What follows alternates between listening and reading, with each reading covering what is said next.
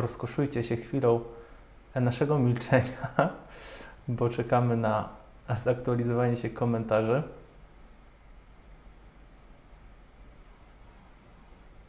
O, chyba lepiej. To już jest yy, namiastka tego, że jest dobrze. Tak, tak. No, starczyło troszeczkę odbić sygnał z masztów 5G i jesteśmy w domu. Dobra, no to wracamy do naszej dyskusji, naszej rozmowy. E, aż żałuję, że e, osoby, które nas słuchają, nie miały okazji usłyszeć Twojej pięknej, kwiecistej odpowiedzi dotyczącej źródła e, mitów w dietetyce. Ale nie będzie. Mogę wypunktować na, na, na, na szybko, nie, nie rozwijając się specjalnie. E, w skrócie, jeżeli pozwolisz, Bartek, to głównie wynika z tego, że po pierwsze dietetyką interesują się niemalże wszyscy i często w przeciwieństwie na przykład, nie wiem, do tematu związanych nie wiem, z chemią nieorganiczną, w kwestii dietetyki wypowiadają się również niespecjaliści.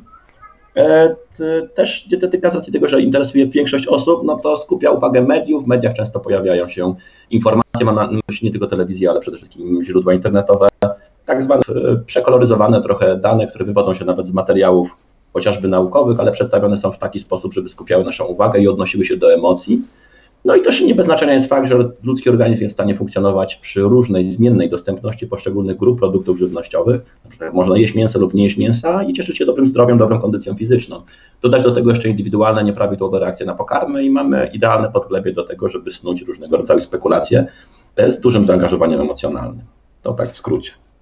Mm, ja tylko jeszcze jako uzupełnienie i trochę nawiązanie do tych naszych żartów na temat e, sieci 5G, nadajników 5G. Myślę, że to wynika też z tego faktu, że dużo osób e, ma skłonność do wypowiadania się na tematy, które właśnie są, tak jak zresztą powiedziałeś, nośne, e, aktualnie gdzieś na, e, na rozpisce.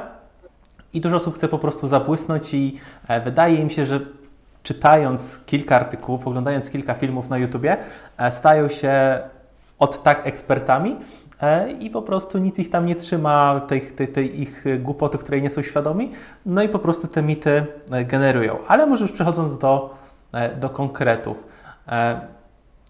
Przypominam oczywiście, że jeżeli ktoś ma ochotę i chęć, to można zadać pytanie w, w komentarzu. Natomiast no ja zacznę z, z pierwszym mitem, takim bardziej, mm, bardziej może sportowym może już nie, nie jest to specjalne, specjalnie popularny mit, ale powiedz y, może kilka słów na temat okna anabolicznego. W dietetyce przez bardzo długi czas e, pokutował e, mit, stwierdzenie, że posiłek trzeba zjeść właściwie jeszcze w szatni, a najlepiej to jeszcze właściwie kończąc serię, e, serię na przykład wyciskania na klatkę piersiową. Jakbyś mógł rozwinąć, rozwinąć ten wątek? Faktycznie, stąd też była drastycznie duża popularność preparatów e, potreningowych, które zawierają składniki o maksymalnie szybkiej kinetyce trawienia i wchłaniania lub nawet bez trawienia i, i przyswajania przez organizm, co też mm, powodowało, też sprawiało, że były takie sprzeczne komunikaty w tej materii, bo z jednej strony patrząc na węglowodany niby najprostszą formą ich podania jest spożycie glukozy, ale z drugiej strony bardzo dużym zainteresowaniem cieszyło się Vitargo, czyli polimery glukozy, e, amylopektyny. I oczywiście jest tam w tym pewien sens, e, jeżeli chodzi o odnoszenie się do, do samego tempa trawienia i do, dostarczania energii, ale mm, w sportach wytrzymałościowych, na przykład Vitargo było przedstawione jako coś, co ekstremalnie szybko uzupełnia glikogen, a w sportach sylwetkowych, z którymi ja sympatyzuję zawodowo, był przedstawiany jako węglowodany złożony o niskim indeksie glikemicznym jednocześnie, czyli to mnie, mieliśmy jakby dwa, dwa uwarunkowania sprzeczne e, ze sobą, w, w, dwa w jednym. Natomiast e, nawiązując bezpośrednio do Twojego pytania, na pewno mm, znaczy powiem w ten sposób, nawet jeżeli przedstawimy e, dużą ilość literatury naukowej, która pokazuje, że tak naprawdę okna anaboliczne to jest coś, co liczone może być w dziesiątkach godzin de facto, bo to jest to wzmożona jakby reaktywność tkanki mięśniowej na dobór składników takich jak aminokwasy, co jest wywołane wykonanym e, wcześniej treningiem, że te mięśnie jakby reagują trochę lepiej, ale nie trwa to 15 minut, 60, 90 czy 120, tylko to trwa prawdopodobnie ponad dobę, chociaż w tej materii też jest wiele osobniczych uwarunkowań związanych i ze specyfiką tego wysiłku i poziomem wytrenowania e, danej osoby, ale gdybyśmy chcieli dokonać taką syntezę, to można powiedzieć, że jeżeli ktoś trenuje powiedzmy raz na dobę, to żyje w permanentnym przeciągu anabolicznym. Tak? To znaczy cały czas jest, cały, cały czas ma jakby dodatkowy bonus tego, że wykonał trening, jeżeli chodzi o to, co się dzieje z tymi składnikami odżywczymi, mówiąc takim już kolokwialnym, obiegowym językiem ale z czegoś moim zdaniem, z mm, pomylenia pewnych pojęć. Faktycznie jest przecież tak, że efektywność resyntezy glikogenu w wyniku wykonania wysiłku fizycznego jest trochę przyspieszona przez krótki czas po zakończeniu aktywności fizycznej i z jakiegoś powodu przeniesiono chyba tę, mm, to uwarunkowanie na okoliczność wszystkich możliwych składników odżywczych, w tym przede wszystkim aminokwasów cząstek elementarnych tworzących białka i pokarmowe i mięśniowe. I zakładano, że niezależnie od tego, czy trenuje się raz dziennie, czy dwa razy dziennie, czy raz na trzy dni, trzeba jak najprędzej dostarczyć składniki odżywcze, bo mięśnie są jak gąbka, jak się pominie posiłek potreningowy w pierwszych 20, 30 czy 60 minutach po wysiłku fizycznym, to czyni się grzech kardynalny przeciwko E, regeneracji i to tego już matka natura nam nie wybaczy i wysiłki będą daremne.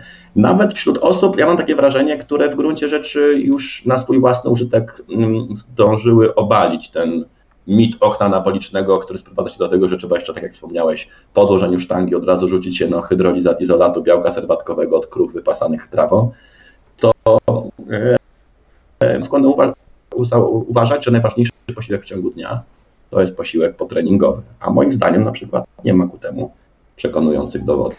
To dalej się trzymając tego posiłku potreningowego, e, powiedz proszę kilka słów na temat leucyny.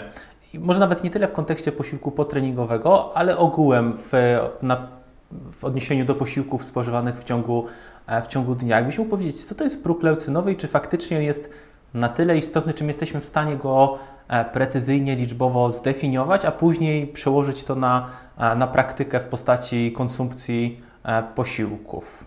Bo tutaj było pytanie znaczy... tylko, jeżeli jeszcze tylko dodam, padło pytanie, jak to jest z tą leucyną dodawaną do, do posiłków. Ktoś tu chyba dodał, że czytał mm, na SFD. To czyli dosyć dawno musiał czytać Twój artykuł. To tak, to dosyć dawno. Znaczy, czasami, kiedy pojawia się pewna koncepcja, która ma charakter hipotezy, ale wywodzi się też i z badań e, takich wstępnych, i z badań już z udziałem e, ludzi, to można się podjarać i stwierdzić, że no, pojawiła się nowa informacja, której no, nic nie szkodzi jakby zaufać, nawet jeżeli ona nie ma standardu jeszcze twardego dowodu naukowego, bo na to trzeba sobie, będąc jakąś koncepcją, e, zapracować. To wymaga czasu i odpowiedniej ilości badań. Na pewno koncepcja progu leucynowego, która mówi, tak żeby przybliżyć ten temat osobom, które możliwe, że jej nie znają, która mówi o tym, że jest pewien próg dostępności w obrębie komórki mięśniowej, co też wywodzi się jakby, jest to przełożenie z dostępności w pokarmie, dostępności aminokwasu, jednego z aminokwasów egzogennych, czyli tych, których organizm nie jest w stanie sam syntetyzować, które tworzą białka ustrojowe. To jest taka wąska grupa aminokwasów o rozgałęzionych łańcuchach alifatycznych bocznych, zwanych BCA. Jest pewien próg dostępności aminokwasu leucyny, który trzeba osiągnąć, żeby zmaksymalizować procesy syntezy białek kurczliwych.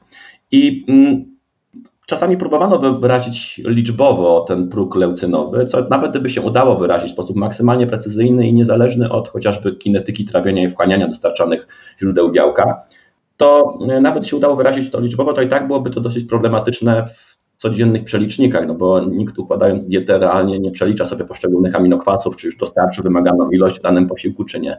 Więc musimy bazować na danych pośrednich.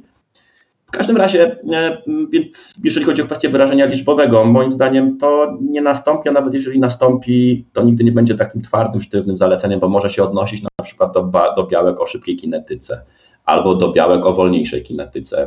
Te przeliczniki to, to jest skórka niewarta wyprawki, poza tym jest jeszcze taki problem, że no, leucyna uruchamia taką kaskadę reakcji biochemicznych, enzymatycznych, w, którym, w którą zaangażowany jest kompleks mTOR-C1 i mm, my przez długi czas sądziliśmy, że im większa aktywacja tego kompleksu, tak do pewnego stopnia przynajmniej, tym szybniejsza, szybsza synteza białek. Okazuje się na przykład, że u osób z nadmiarem, nadmiarem tkanki tłuszczowej wyjściowo na czczo aktywność mTOR-C1 jest podwyższona jest wyższa niż w przypadku osób tam szczupłe. A w odpowiedzi na posiłek, to była akurat podawana e, wieprzowina, e, chuda wieprzowina, w odpowiedzi na posiłek białkowy ta aktywacja tego kompleksu mTORC1 wcale nie jest wyższa w pierwszych kilkudziesięciu minutach. 300 minut po, po, po badaniu okazywało się, że ona jest e, wyższa, ale okazuje się, że nawet nie tyle stymulowanie bezpośrednie tej, tego e, kompleksu, co jego relokacja w obrębie wnętrza komórki, w stronę katabolicznej organeli komórkowej, jaką są lizosomy, może być czynnikiem, który w gruncie rzeczy odpowiada za to, jak silna jest odpowiedź anaboliczna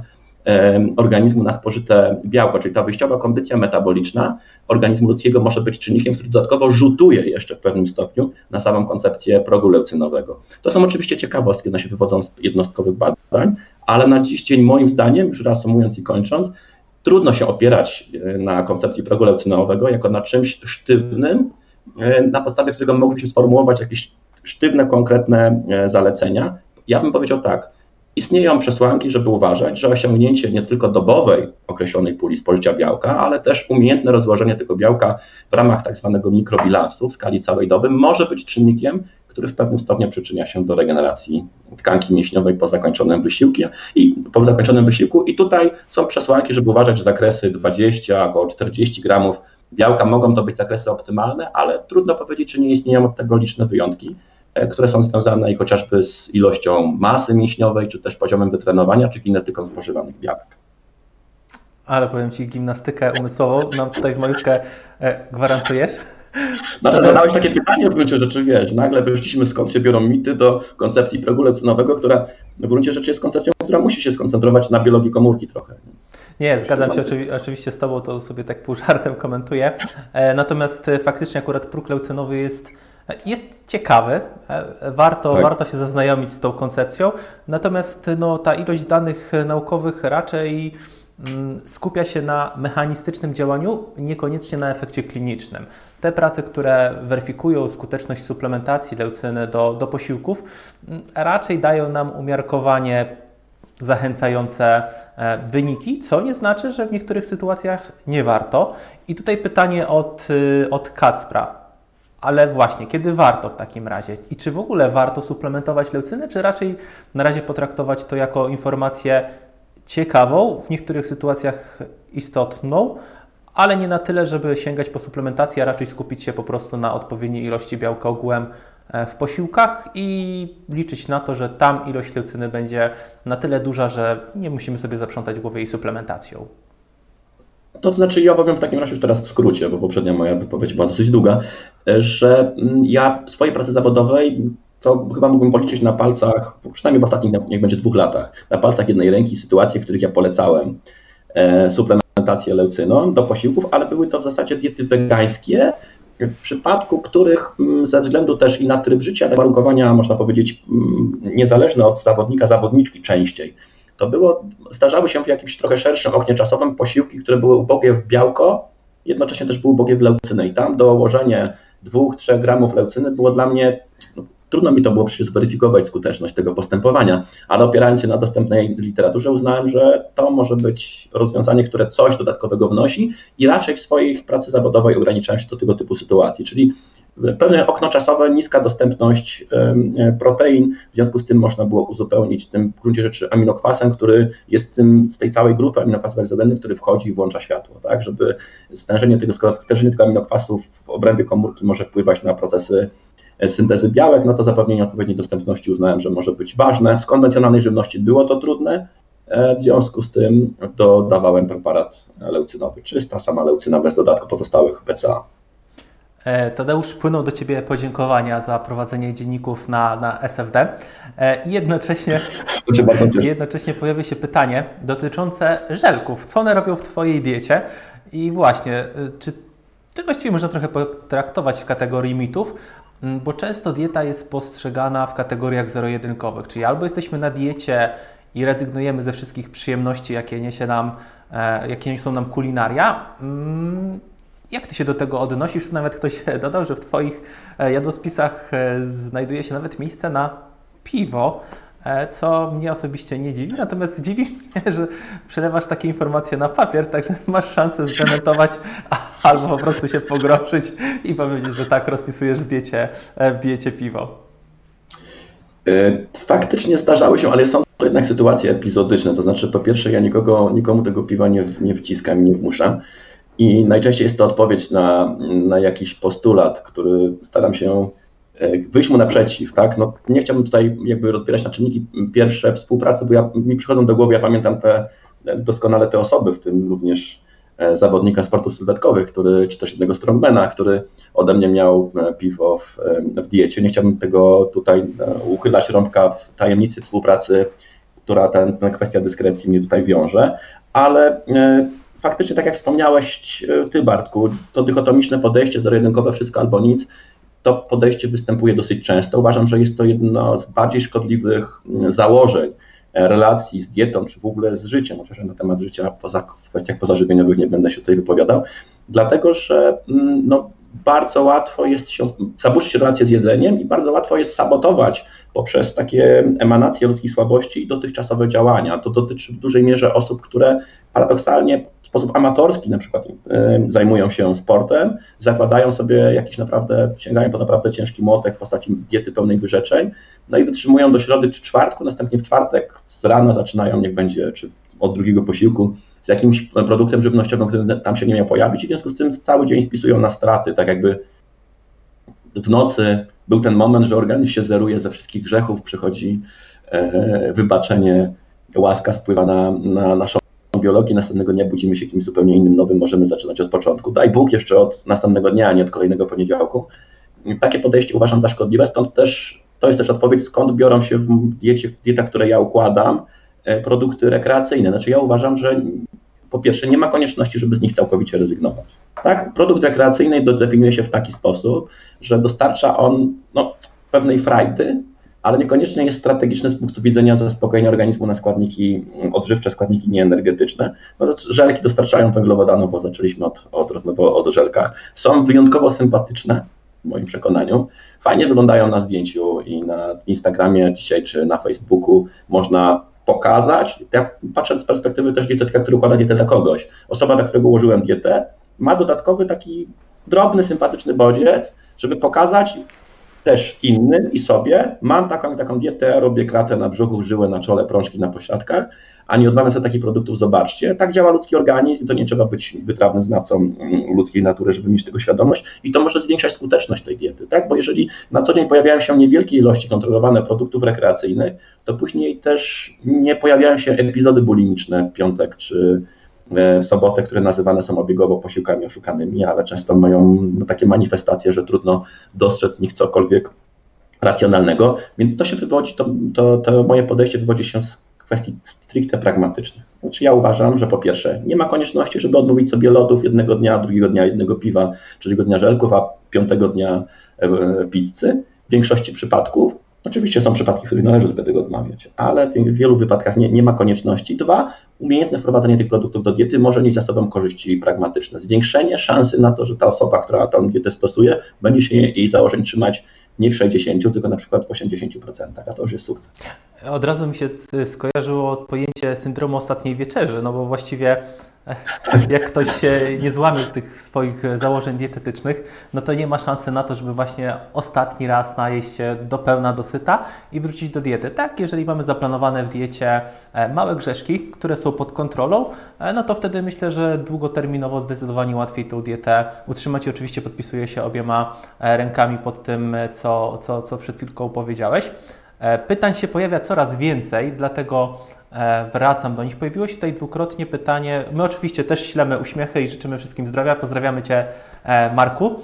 E, Pozdrawiam miejsc, żeby było wiadomo, o jakim Marku mowa. Pytanie o nieszczelne jelita i trochę szerzej o, o gluten w sporcie, gluten na co dzień, nieceliakalna wrażliwość na, na gluten nieceliakalna. Różne, różne, różne tutaj pojęcia funkcjonują i w literaturze naukowej, i gdzieś w obiegowych e, źródłach internetowych. Jak mógłbyś się do tego pokrótce odnieść? Mit, czy może jest tutaj miejsce na, e, na więcej nawet niż ziarenko e, prawdy? Czy integralność bariery jelitowej faktycznie może się zmieniać pod wpływem różnych czynników? Jeden z czynników, który może jakby zmniejszać tę integralność, jest wysiłek fizyczny sam w sobie. E, co ciekawe, jeżeli chodzi o czynniki żywieniowe, to ja prędzej bym się skoncentrował na ostrych przyprawach zawierających kapsaicynę, które w większym stopniu, z tego co pamiętam, przynajmniej z literatury naukowej, roz, rozszczelniają jelito niż sam e, gluten, przynajmniej u osób zdrowych, bo nie mówię o osobach z celiakią. Natomiast ja osobiście no, nie jestem gastroenterologiem, bazuję na e, badaniach i wypowiedziach też specjalistów z tej dziedziny i mi bardzo się podoba podejście pana Alessio Vassano, który w gruncie rzeczy jest pionierem pewnych badań na temat nieszczelności jelitowej, nazwijmy to, i też samego glutenu. Przypominam, że to z jego badania były cytowane przez zwolenników e, twierdzeń mówiących, że gluten to trucizna, który robi dziurę w jelitach. Trochę sobie przejaskrawiam, ale myślę, że w, ze względu na formułę naszego dzisiejszego spotkania jest to do wybaczenia. E, to właśnie jego badania pokazały, że nikt z nas do końca nie trawi glutenu. W związku z tym to zaraz zostało wyniesione na sztandar E, te, e, te, prace naukowe i z antyglutenowi guru twierdzili, zobaczcie, nikt z nas nie trawi glutenu, to nie powinniśmy go jeść, nie jesteśmy ewolucyjnie przystosowani, go, żeby go spożywać. Ale Alessia Fasano na to sformułował kontrargument, na tą interpretację jego badania. Błonnika też nikt nie trawi i co? Oczywiście gluten to niekoniecznie jest błonnik, budowę ma zupełnie inną, natomiast przykład błonnika pokazuje, że fakt, że czegoś nie rozpadają nasze enzymy trawienne do końca, nie musi oznaczać, że jest to szkodliwe dla naszego zdrowia.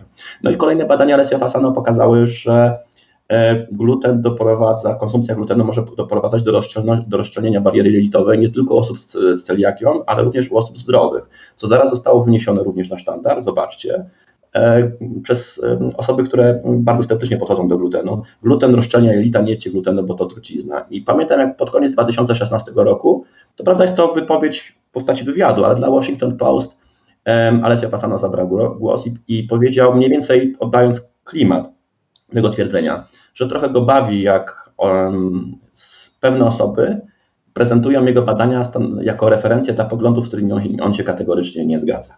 Gluten będzie szkodził osobom, które mają e, celiakię, nieceliakalną nadwrażliwość na gluten, o nią też zapytałeś, wreszcie do tego odniosę, i e, alergię na białka pszenicy. Reszta osób ze względu, na, biorąc pod uwagę dzisiejszy stan wiedzy, może gluten śmiało spożywać. I to są słowa Alessio Fasano, przypominam, że to jego badania były często przedstawiane jako referencje dla poglądów, z którymi notabene on się nie zgadza, ale które kazały nam sceptycznie podchodzić do samego glutenu. Jeżeli chodzi o nieceliakalną nadwrażliwość na gluten, dla mnie to jest problem też z rozpoznaniem jakby tej mm, przypadłości. Ja co prawda nie zajmuję się diagnozowaniem dietetyk w moim przekonaniu tym się zajmować nie powinien, ale jest to temat kontrowersyjny, dlatego że są też prace, które wskazują, że być może za część tej statystyki, która mówi, że to 5-6% populacji może tą nieceliakalną nadwrażliwość na gluten rzeczywiście być nią obciążony, że za to odpowiadają składniki z grupy FODMAP. E, I ty pewnie Bartku kojarzysz takie badania, w których e, zaobserwowano występowanie efektu nocebo. Czyli w momencie, kiedy uczestnicy tychże badań otrzymywali gluten w sposób jawny, to doświadczali nieprzyjemnych objawów ze strony mm, przede wszystkim przewodu pokazowych, które zadeklarowały się, że e, gluten, a zostało wykluczone z tej grupy osoby, które były dotknięte celiakią. Następnie jak zabierano im w sposób jawny gluten, to te osoby się czuły lepiej, ale jak podawano w ramach podwójnej ślepej próby, czyli takiej, gdzie ani uczestnicy, ani autorzy nie wiedzieli, co jest w danych kapsułkach, gluten lub placebo, to jeżeli dobra macie, chyba około 40% uczestników tych badań reagowało w sposób charakterystyczny dla reakcji na gluten na samo placebo. To też jest wymowne i sprawia, że czuję się trochę skonsternowany, biorąc pod uwagę aktualny e, stan wiedzy i sam niekiedy, już to jest, rozpatruję to na poziomach jednostkowych, E, sam niekiedy mam pewien dylemat w tej, w tej materii. Tutaj jeszcze wchodzi w grę chociażby kwestia innych chorób autoimmunizacyjnych niż celiakia, czy w takich sytuacjach wykluczać gluten, czy nie. Ja mam na to swój własny patent, ale osobiście uważam, że trzeba mieć, przepraszam za wyrażenie, jaja ze stali, żeby ułożyć dietę z glutenem pod chorobę Hashimoto i puścić ją na Instagramie czy na Facebooku. Myślę, że nie mam nic do dodania. Zresztą trudno, żebym miał po takiej wypowiedzi. E... Bo jeszcze są jakieś kwestie do zagospodarowania na pewno. Wszystkich tematów, nie, wszystkich zagadnień nie poruszyłem. Ale na pewno temat glutenu jest tematem kontrowersyjnym. Szczególnie ta nieceliakalna nadwrażliwość na gluten. Jakoś tego tematu mm, gorąco nie śledzę, natomiast e, staram się gdzieś te mm, publikacje co jakiś czas odświeżać. E, I właśnie według mojego stanu wiedzy, no to pod znakiem, dużym znakiem zapytania stoi ta, mm, ta, ta, ta przypadłość. No ale jak to zwykle w nauce bywa, czas pokaże, co nam ma nauka do zaoferowania i, i, i jak faktycznie, jak faktycznie ten, ta jednostka chorobowa bądź nie wypada w, w, w praktyce pracy z klientami.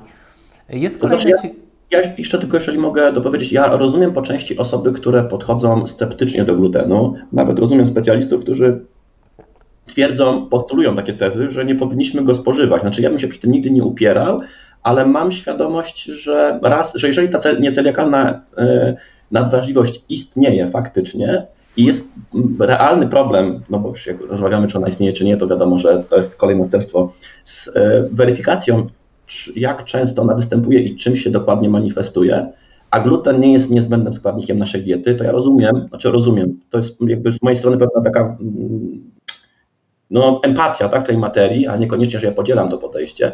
Rozumiem, że można zachęcać do tego, żeby gluten ograniczać lub mm, eliminować, natomiast ja do tej grupy jednak się nie zaliczam. Ja mam takie składniki żywności, co do których jestem bardziej sceptyczny zdecydowanie niż w stosunku do glutenu i uważam, że z dużą dozą sceptycyzmu można podchodzić do bardzo wielu innych składników, do wysokiej podaży metioniny, aminokwasu siarkowego, które w przypadku zwierząt laboratoryjnych skracało, wysoka ekspozycja skracał życie, do spożycia nawet kwasów tłuszczowych nasyconych, cholesterolu. E, no, tu można podchodzić do wielu różnych składników żywności w sposób sceptyczny i gluten nie jest na czele tej grupy produktów. Ja myślę, że tutaj problemem są osoby, które właśnie nawet rozmawiając czy proponując dietę bezglutenową, e, bardzo często oferują to jako remedium na, na wszystkie choroby, na wszystkie dolegliwości. Natomiast to, co podkreślałeś kilkukrotnie, e, owszem, jest mała furtka otworzona na, na, na, na, raczej mało liczne przypadki i tutaj trzeba być po prostu czujnym i śledzić ten, ten obszar. Natomiast e, właśnie często w eter idzie informacja, że dieta bezglutenowa jest po prostu optymalna dla właściwie każdego bez względu na e, istniejące choroby bądź nie, e, bo nawet jest taka dieta oferowana dla osób e, zdrowych. I to jest przykre. Ale żeby nie kończyć takim smutnym i dekadenckim taką puentą, to uciekamy do kolejnego pytania. Myślę, że też bardzo ciekawe i na czasie, w szczególności w kontekście mm, zbliżającego się sezonu letniego. które pytanie dotyczy odchudzania i adaptacji e, metabolicznych, czyli e, żeby sprecyzować w kilku słowach pytanie, które padło. E, jak to jest w sytuacji, kiedy my wprowadzamy dietę ubogo-energetyczną z deficytem energetycznym? Czy jesteśmy w stanie stanąć w punkcie zero pomimo deficytu energetycznego, bo w jakiś sposób nasz organizm się adaptuje? To... to znaczy, ja powiem w ten sposób. Adaptacje metaboliczne, które polegają na tym, że nasz organizm w pewnym stopniu dostosowuje się do zmian w spożyciu energii, są na dobrą sprawę faktem. E, do, tego dochodzą jeszcze pewne niuanse matematyczne, co do których wiele osób sobie nie zdaje sprawy. Ja to zobrazuję takim przykładem. To są niby drobiazgi, ale one mają znaczenie. Jeżeli e, powiedzmy, że niech będzie moje zapotrzebowanie energetyczne przy stosunkowo niewielkiej aktywności, teraz to jest około 3000 kilokalorii. Więc jeżeli ja bym wprowadził deficyt 500 kilokalorii na kartce, bym sobie to policzył i przełożył na realia, na realia dnia codziennego, jeżeli chodzi o dobór jakościowy, ilościowy pokarmów, to realnie wprowadziłem deficyt 450. Jak to możliwe? Bo przyjmuje się, że około 10% wydatków energetycznych to jest efekt termiczny pożywienia. W związku z tym, jeżeli z tych 3000 kilokalorii część przypada mojego zapotrzebowania wyjściowego na podstawową przemianę materii, reszta to jest aktywność treningowa i nietreningowa, jest też w tych 3000 kilokalorii 10, plus minus się przyjmuje 10% całkowitych wydatków, jak to mówi Damian Parol, podatek od jedzenia. Jeżeli zmniejszymy podaż energii o 500 kilokalorii, to już automatycznie realnie zmniejszamy o 450, no bo 10% z tego to jest efekt termiczny pożywienia. Jeżeli wyliczyłbym z, precyzyjną, z precyzją zegar mistrza wydatki energetyczne na jedną godzinę treningu niech będzie aerobowego i wyszło mi, że spalam tam niech będzie 7 kilokalorii na minutę i gdybym dodał ten wysiłek fizyczny, to realnie nie dodałem tyle, ile wyszło mi, że spalam, bo najczęściej monitoruje się wydatek energetyczny brutto. Ja nie dodałem godziny 25 do 24 godzinnej doby, tylko realnie część tych wydatków energetycznych w trakcie godziny, w trakcie jednej jednostki treningowej, to jest jakaś część, to jest jedna 24 z podstawowej przemiany materii. Dodatkowo musiałbym jeszcze od tego odjąć kalorie, które bym spalił w momencie, gdybym tego treningu nie wykonał. Prawdopodobnie bym się czymś zajął. Może bym pozmywał naczynie, może bym powiesił firany, może bym coś wyprasował, może bym pooglądał telewizję albo poczytał książkę, ale mógł być tym jakiś wydatek energetyczny. Więc już na poziomie matematycznym my mamy pewne problemy z szacowaniem wydatków energetycznych i zmian w spożyciu energii wywołanych treningiem i dietą. I do tego dochodzi reakcja organizmu, która przede wszystkim polega na tym, że jeżeli zmniejszamy podaż energii, to nasz organizm zmniejsza wydatkowanie energii.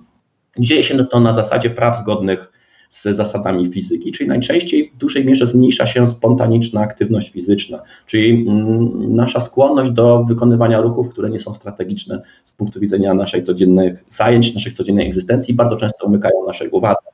Trudno powiedzieć, jak duże mogą być te mm, adaptacje na poziomie spontanicznej aktywności fizycznej, która jest składową N na ET, czyli nie, nie jest synonimem, ale tylko składową nietreningowej nie aktywności fizycznej, ale pewnie u różnych osób mogą być one różne. Nie ma to nic wspólnego z somatotypem, bo wiele osób myli te e, jakby te obszary, te uwarunkowania, ektomorfik, endomorfik, mezomorfik, uważa się obiegowo, że ma to jakiś wpływ na zapotrzebowanie energetyczne zwane inaczej przemianą materii, ale pewnie te różnice mogą być, znaczy te, ten wkład tej adaptacji może być duży. Ale nawiązując do Twojego pytania, czy jest możliwe, żeby pomimo deficytu nie chudnąć? Nie.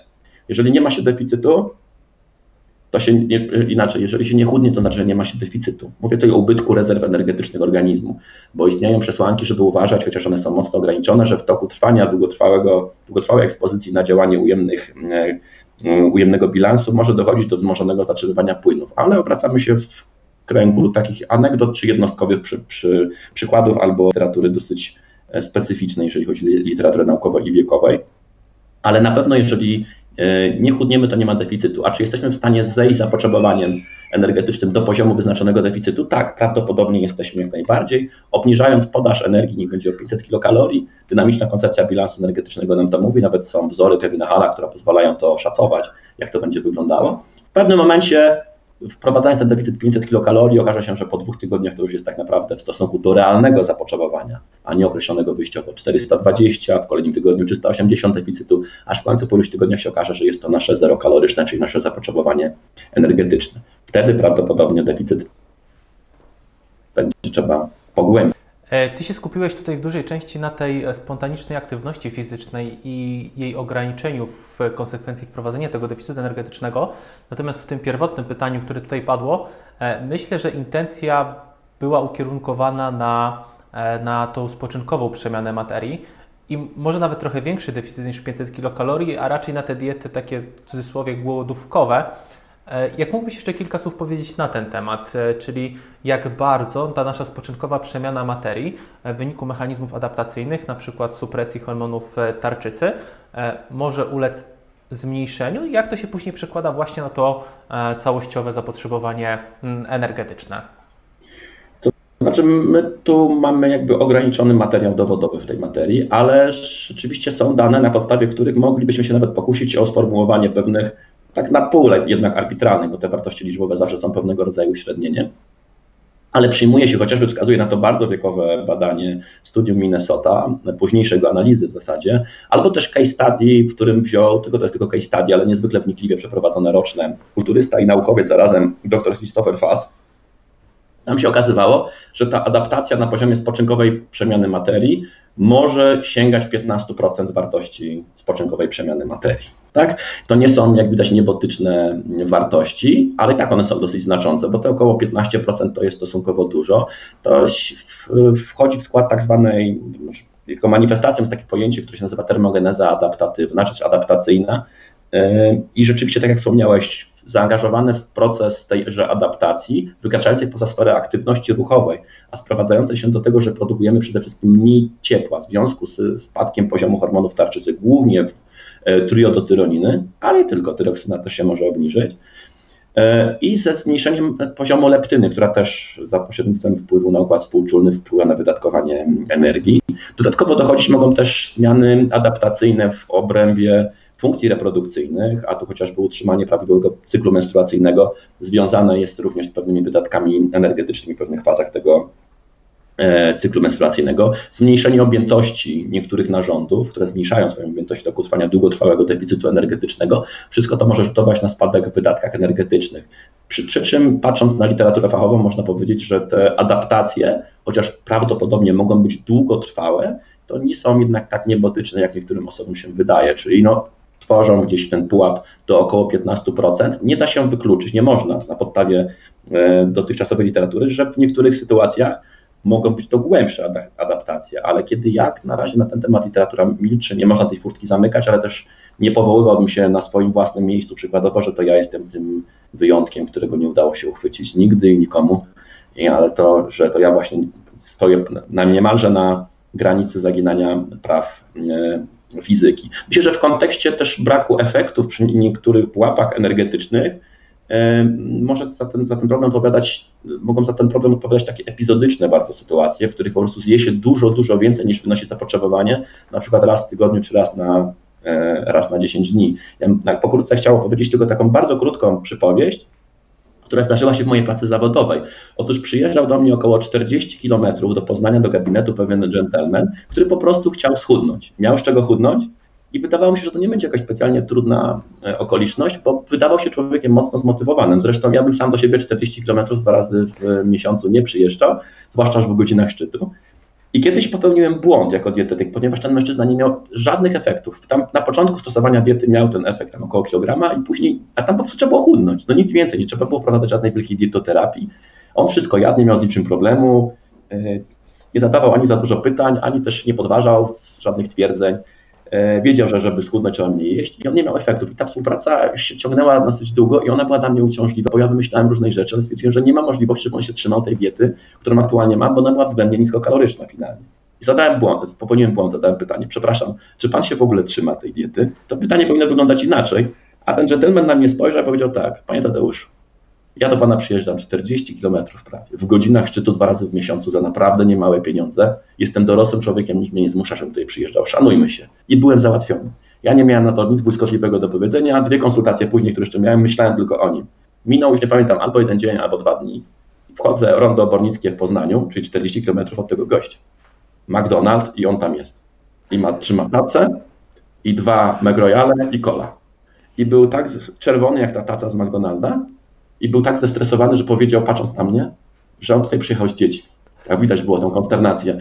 Ja nie twierdzę, że ten przykład dotyka każdego, ale ten mężczyzna namacalnie w tym McDonaldzie był, pomimo tego, że dzień czy dwa dni wcześniej powiedział mi szanujmy się, nikt mnie tu nie zmusza, trzymam się diety, jestem dorosłym człowiekiem i tak dalej, i tak dalej. I wtedy sobie uświadomiłem, że no muszę te, te okoliczności brać pod uwagę jako, że mogą występować nawet w sytuacjach, w których nic poza bilansem energetycznym ich nie zwiastuje. Pewnie ten klient czuł się tak zaskoczony Twoją wizytą w McDonaldzie, właściwie swoją wizytą, że go został przyłapany, że nawet nie zdał sobie sprawy, żeby zapytać Ciebie, co jego dietetyk robi w McDonaldzie. Ale, ale, ja to powiedziałem sam, bo ja czułem brzemię tej konsternacji i powiedziałem, że ja tu też nie przyjechałem lepić pierogów i e, ten mężczyzna więcej do mnie na konsultację nie przyjechał. Już więcej to się nie pojawi. Poczucia, ale jest... Wiesz co, mam do Ciebie jeszcze pytanie które w sumie sam sprowokowałeś, wspominając właśnie o diecie mm, dostosowanej do typów budowy ciała, typów, e, typów Sheldona, e, bo to jest najczęstszy podział. E, jak mógłbyś troszeczkę ten temat przybliżyć, w sensie na czym polega ten mit, bo, bo jest to mit, który zakłada, że w zależności od typu budowy sylwetki powinna być zależna, powinno być zależne nasze podejście, mm, podejście żywieniowe. Znaczy, ja przyznam się szczerze, że ja nie wiem skąd się ten. Kiedyś próbowałem w, tak dociec, gdzie to się zaczęło. Ja nie wiem, gdzie to się zaczęło, może ty wiesz, Bartek. Kto e, kiedyś, ja podejrzewam Ciebie, że Ty możesz wiedzieć, bo kiedyś zadałem Ci publicznie pytanie dotyczące e, skąd się wziął pewien pogląd na temat wina, że i bardzo, bardzo rzetelnie, zaskakując mnie odpowiedziałeś na to pytanie, wnikliwie analizując wcześniej temat. Ja też próbowałem być równie wnikliwy w przypadku akurat tego mitu, ale niestety nie podołałem. To znaczy z niektórych środowisk, ale raczej nie naukowych, wywodzą się twierdzenia mówiące, że typ budowy ciała wpływa na tempo naszego metabolizmu, mm, albo jest z nim powiązany, jakoś ta, ta zależność jest dwukierunkowa, zaraz się do tego odniosę i w związku z tym powinniśmy w odpowiedni sposób i ustalać zapotrzebowanie energetyczne, a nawet rozkład makroskładników. Problem polega na tym, że nie ma na to dowodów w literaturze fachowej. Sam Sheldon nigdy się nie zająknął z tego, co mi wiadomo, ani nigdy nie próbował nawet twierdzić, że na podstawie somatotypów, które stworzył i określił, e, że na tej podstawie powinniśmy jakoś planować codzienną dietę. Mało tego, nawet gdyby mm, coś takiego powiedział, to i tak jest traktowany jako średnio wiarygodna postać w obrębie psychologii, bo to dotyczyło psychologii temperamentu, jak dobrze pamiętam, bo fałszował swoje badania. E, przynajmniej tak wynika z informacji, do których mi udało się dotrzeć. W każdym razie najczęściej, gdy prowadziłem dyskusje z osobami, które postulowały tego typu pogląd, że dla ektomorfika taka dieta, dla endomorfika inna, dla mezomorfika jeszcze inna, to finalnie, gdy już brakowało argumentów ze strony tych osób, bo nigdy nie dostałem żadnego argumentu takiego mm, obiektywnej e, klasy, że oni tak robią i to się sprawdza. Ja na to mam super kontrargument, ja tak nie robię i to też się sprawdza. E, to jest równoważny argument, ale w każdym razie postulując jakąś tezę, warto mieć coś na jej poparcie, bo mm, tutaj no, brakuje poparcia dla tego typu twierdzeń.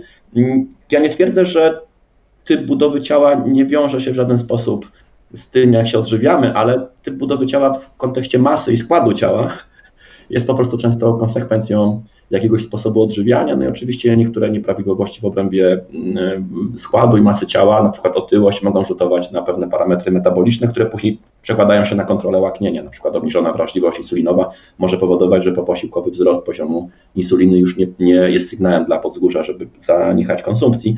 Więc na, w taki sposób można na to mm, patrzeć, ale często endomorfik, jak schudnie, to przestaje się wydawać endomorfikiem. I to też jest takie wymowne. Oczywiście wnikliwi znawcy somatotypów powiedzą, że oni by się nigdy tak nie pomylili, ale w obiegowym ujęciu jednak to często ma taką manifestację, że ektomorfik to jest ktoś w takim obiegowym ujęciu, jest po prostu szczupły. Się mówi, że musi mieć szybki metabolizm. Jeszcze dopowiedziałbym jedną rzecz, bo często ja słyszę, że są osoby, które mogą bardzo dużo jeść, wcale tak dużo się nie ruszają yy, i mimo to nie tyją. Ja czasami uchodzę za taką osobę, dlatego że niekiedy zdarzało, nawet nie z Damianem Parolem ostatnio rozmawiałem, już tam chyba dwa, trzy miesiące temu na ten temat, że tam zjadłem całą pizzę, zamówiłem e, jeszcze torcik bezowy do tego w jakiejś restauracji. No tak stało się. No i wychodzi na to, że ja mogę naprawdę dużo zjeść, ale otyły przynajmniej nie jestem. Nie mówię, że mam formę życia, ale otyły nie jestem. Ale osoby, które to widziały, w tym również Damian, nie widziały tego, że ja w sumie przez cały dzień ze względu na to, że prowadziłem szkolenie, byłem mocno zajęty, nie zdążyłem nic jeść. Związku z tym, pewnie gdybym zjadł wcześniej dwa albo trzy posiłki, no to już mnie nie wciągnął całej pizza, tak to ja wyrównywałem intuicyjnie i spontanicznie, ale ten bilans energetyczny i osoby, które by mnie widywały w takich sytuacjach, pewnie by traktowały mnie jako osobę, która może dużo jeść i nie, nie przytyje. Nasze informacje często, nasze postrzeganie pewnej rzeczywistości często obarczone jest pewnym błędem poznawczym i trzeba brać na to poprawkę. Jestem w pełni usatysfakcjonowany z tej, z tej odpowiedzi nie było to pytanie z kategorii e, zapytam i sam odpowiem, bo nie mam najmniejszego pojęcia, e, gdzie narodził się ten e, mit. Pewnie jak większość tego typu rzeczy pojawiła się jakaś publikacja, ktoś ten temat podchwycił i rozwinął na własne, na własne potrzeby dalszą, dalszą teorię, ale zgadzam się z tą częścią, zgadzam się ze wszystkim, ale w szczególności z tą częścią, że My możemy w pewien sposób sobie zróżnicować osoby, z którymi współpracujemy i w zależności od tego zmienić trochę swoje podejście żywieniowe. Wiemy, że e, nie, znaczy, nie wiemy do końca co, pewnie trochę mikrobiota, trochę jakieś predyspozycje genetyczne, e, raczej tutaj mamy przyczyny wielo, wieloczynnikowe, no ale niektóre osoby jednak e, łatwiej, łatwiej tyją, mają gorszą kontrolę właśnie nad, nad poborem pokarmu. Tutaj akurat Ty jesteś tym dobrym przykładem, który może sobie po prostu e, zjeść pizzę i zagryźć to torcikiem bezowym i po prostu wkomponujesz się w ten Twój całodzienny bilans energetyczny. No ale są też osoby, które sobie z tym, z tym po prostu nie radzą i jednak wygenerują tą nadwyżkę energetyczną. Tak jest przynajmniej moje, e, może nie jakoś specjalnie naukowe zdanie, bo, bo, bo temat otyłości to nie jest coś, co namiętnie, namiętnie śledzę, jeżeli chodzi o E, o badania naukowe, natomiast no, trochę mi intuicja podpowiada i, i obserwacje takie z, z gabinetu dietetycznego, że tak po prostu jest. Ale mogę się mylić. Nie wiem, czy możesz się do tego odnieść. Wiesz co, na pewno są jakieś kwestie osobnicze. No przecież znamy też polimorfizm, polimorfizm genu FTO chociażby, który mm, tworzy pewnego rodzaju mm, takie genetyczne podglebie do tego, żeby otyłość rozwijała się szybko, sprawnie i w takiej no, zaawansowanej formie, chociaż jego manifestacje takie praktyczne dotyczą głównie kontroli łaknienia. Ale, mm, ale oczywiście są pewne uwarunkowania. Są też ciekawe badania na gryzoniach, co prawda, więc one nie muszą być reprezentatywne w stosunku do ludzi, których manipulowano dosyć mocno e, mikrobiotą i to wpływało na mm, zmiany w obrębie e, maś ciała u, u, u tych gryzoni. W, przy, jak dobrze pamiętam, podobnym dostępie do karmy, co także jest dosyć mm, zastanawiające. Oczywiście można sobie wyprowadzić pewne wnioski na temat tego, jak mikrobiota może wpływać e, na bilans energetyczny tej samej diety, znaczy na, na jej kaloryczność, bo rzeczywiście jest taka możliwość i jest ona nawet wypunktowana, ale nie są to aż tak drastyczne różnice, żeby można było z tego, żeby można było to uznać jako czynnik totalnie warunkujący to, czy mamy tendencję do tycia, czy nie, chociaż możliwe, że nauka przyniesie tej materii dodatkowo ciekawe e, odkrycie. Ja pamiętam, że już w roku 2008 2010 pojawiły się badania takiego, Japoń, takiego japońskiego eksperta o nazwisku Kaduka, który za, który za pomocą probiotykoterapii doprowadzał do zmian w masie ciała uczestników. To było jedno z tych badań, jedno co prawda tylko jest podwójnie zaślepione, kontrolowane badanie, w którym podawano e, probiotyk mm, albo placebo i uczestnicy z otyłością, jak dobrze pamiętam, w 12 tygodni z grupy probiotykoterapii stracili chyba 4,2% albo 4,6% masy ciała przy braku podejmowania żadnych interwencji. No to w przypadku stosowania L-karnityny czy ekstraktu z zielonej herbaty takich efektów nie ma, więc możliwe, że w, tutaj w obrębie tego mikrobiomu rzeczywiście dużo się dzieje. Ja chciałbym dopowiedzieć jedną taką ciekawostkę, która wiąże się, może nie jest do końca powiązana z tematem, ale przyszła mi właśnie do głowy, która wiąże się trochę też z, tą sferą e, dietetyki sportowej, z którą ja najczęściej obcuję, czyli ze światem kulturystyki i fitness. Tam diety są często bardzo monotonne. I na dziś dzień wiele wskazuje na to, że jeżeli chcemy mieć urozmaicony mikrobiom, to powinniśmy mieć urozmaiconą dietę. Tak, bo mamy w różnych produktach żywnościowych różne elementy włókna pokarmowego, które dożywiają różne gatunki, nawet szczepy bakterii. W związku z tym tak mi przyszło do głowy, żeby o tym wspomnieć jako argument na rzecz różnorodności w diecie. Przy czym różnorodność niekoniecznie mam na myśli tu w poniedziałek pizza quattro formaggi, a we wtorek e, calzone, tylko żeby to dotyczyło produktów, które są źródłem przede wszystkim włókna pokarmowego. Y, kolejne pytanie, trochę uciekamy teraz w aspekty metaboliczne. E, jest pytanie mhm. o dietę cukrzycową. Czy, czy taka dieta istnieje, e, czy tylko jest tak w literaturze opisana, bo osoba mająca cukrzycę typu drugiego dostaje dietę śródziemnomorską, a nie cukrzycową? Takie jest e, kompletne, kompletne pytanie. Jak mógłbyś trochę w szerszym, w szerszym zakresie temat generalnie diety wpływający na, na, na zaburzenia metaboliczne omówić? Znaczy nie wiem, czy, czy jest konieczność, żebym ja to rozpatrywał w kontekście samej cukrzycy, bo oczywiście są pewne zalecenia dla osób borykających się z, z tą przypadłością, mówimy o cukrzycy typu drugiego i mm, Natomiast ja bym chciał na to spojrzeć trochę szerzej, jeżeli chodzi o kwestię generalnie gospodarki insulinowo-glukozowej, jeżeli, jeżeli pozwolisz, bo to dieta śródziemnomorska, dieta oparta na założeniach diety śródziemnomorskiej uznawana generalnie za dietę zdrową, dietę zdrową w przypadku zaburzeń metabolicznych związanych e, z gospodarką glukozową i ona się nadaje dla osób z cukrzycą, tak wyjściowo patrząc na nią w sposób ogólny. To są dodatkowe zalecenia, ale dieta śródziemnomorska po części je spełnia, zwiększa się delikatnie, ale delikatnie ilość e, białka, dba się odpowiednio podaż błonnika, zwraca się uwagę na ładunek ładunek glikemiczny spożywanych pokarmów. E, ja na przykład bardziej się skłaniam ku ładunkowi glikemicznemu niż indeksowi glikemicznemu, bo ten indeks jest dla mnie wyjątkowo problematyczny i niekiedy mm, skłaniał do postępowania, które już stanowiło zaprzeczenie racjonalnego podejścia. Nie wiem, czy Bartku pamiętasz takie czasy, jak przestrzegano przed gotowaną marchewką, bo ma wysoki indeks mm, glikemiczny, to już okazało się, że y, stworzenie z tego indeksu takiego systemu rankingowego dotyczącego e, podziału produktów na dobre i złe doszło do granicy absurdu. Z absurdu było to za daleko posunięte. Ale warto wiedzieć, mając i w momencie, kiedy nie wiemy albo mamy pewne wątpliwości co do postępowania żywieniowego przy problemach metabolicznych z gospodarką glukozową, to warto sięgnąć do piramidy zdrowego żywienia i pamiętać, że ogólnie rzecz ujmując, zdrowe nawyki żywieniowe w tej materii także są w tej materii także są adekwatne. Więc w takim ujęciu ogólnym e, dieta różnorodna oparta, oparta na nisko przetworzonej żywności ze zwróceniem szczególnej uwagi na e, spożycie produktów węglowodanowych, niekoniecznie w takim sensie, że ogranicza się e, drastycznie ich ilość, ale dba o to, żeby to były produkty nisko przetworzone, z limitowaniem kwasów tłuszczowych nasyconych. Niektóre źródła również sugerują, by ograniczać spożycie cholesterolu, który co prawda w przypadku ogółu populacji, no tu mamy ja mam takie dychotomiczne podejście.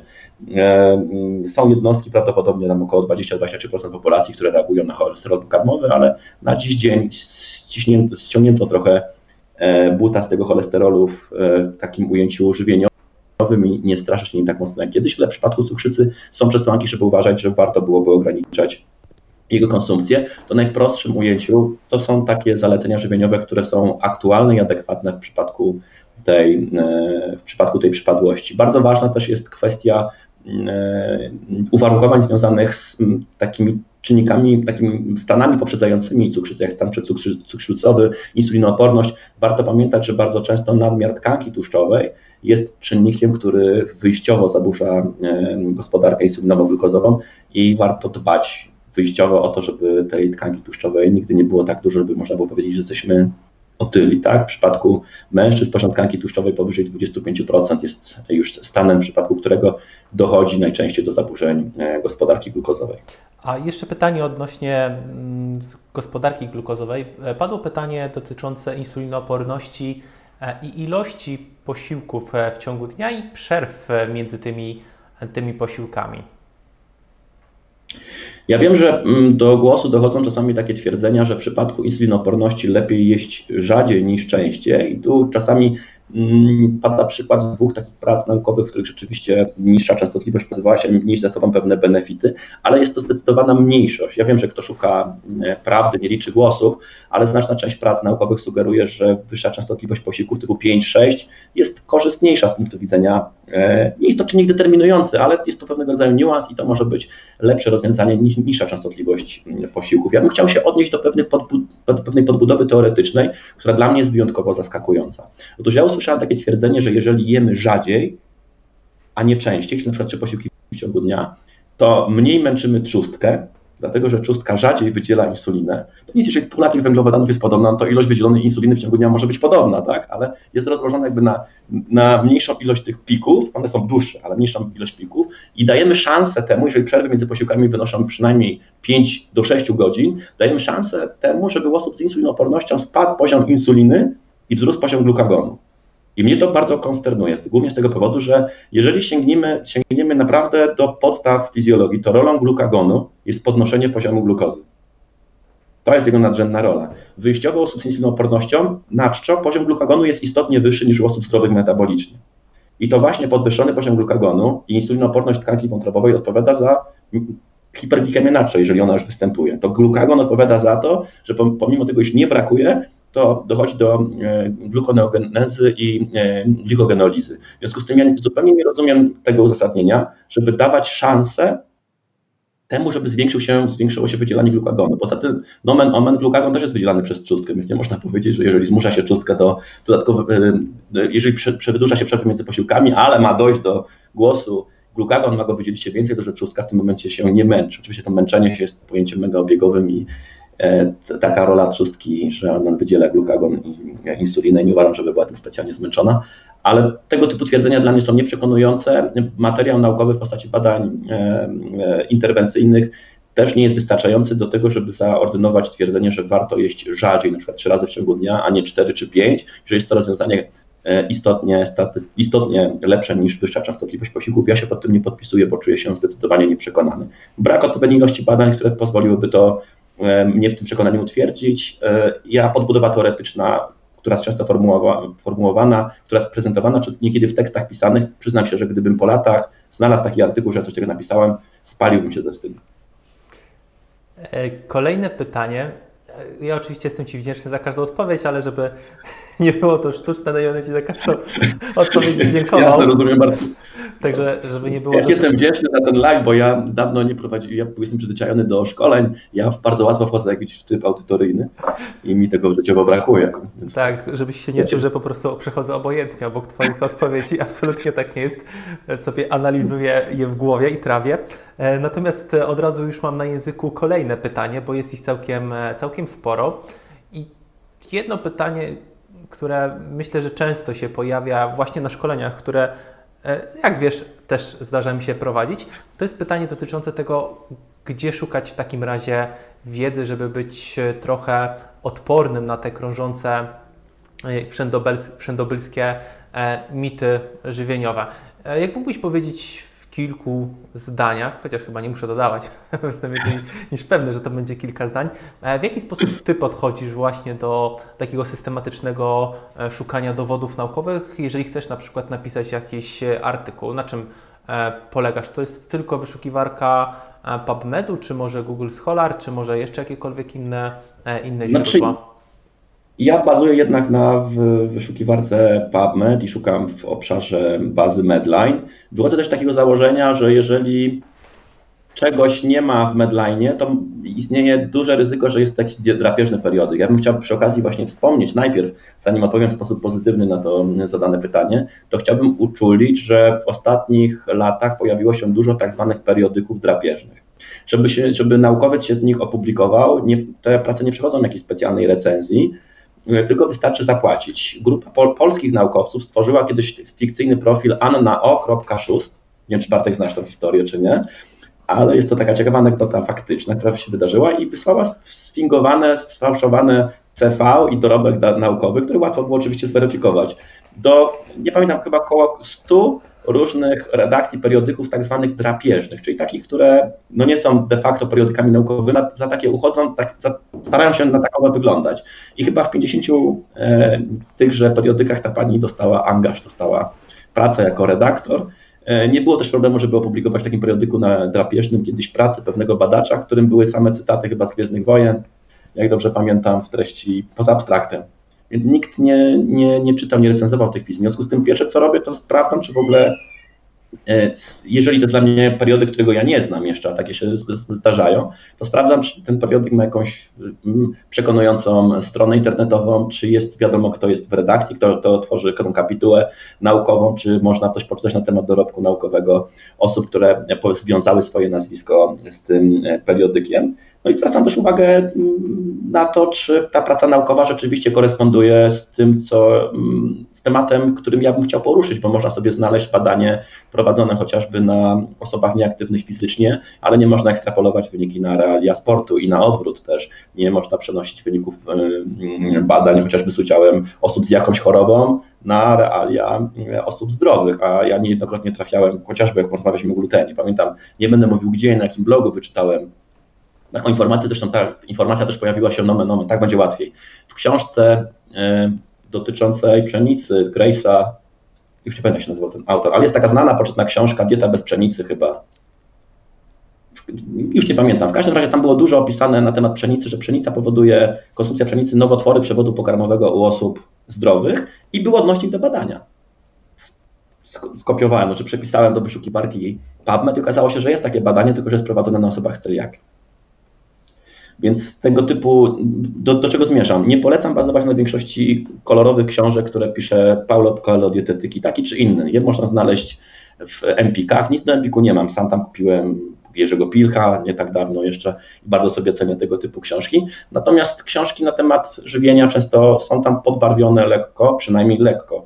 E, fikcją literacką i to może nas sprowadzić na manowce. Polecam osobom, które dopiero zaczynają zabawę z dietetyką, żeby przeczytały chociaż jeden podręcznik akademicki do podstaw żywienia. Tu niestety pan profesor Gawęcki nie jest Paulo Coelho, więc czyta się dosyć opornie, ale jest to wiedza rzetelna, oparta na dowodach naukowych, nawet jeżeli nie jest nie wiadomo jak innowacyjna, bo podręczniki niekiedy są kilka lat z aktualnym stanem wiedzy, ale w dietetyce też nie zmienia się wszystko jak w kalejdoskopie. A osobom, które szukają już danych takich bardziej szczegółowych, polecam wyszukiwać periodyki naukowe, które mają jakiś impact factor, wskaźnik cytowań.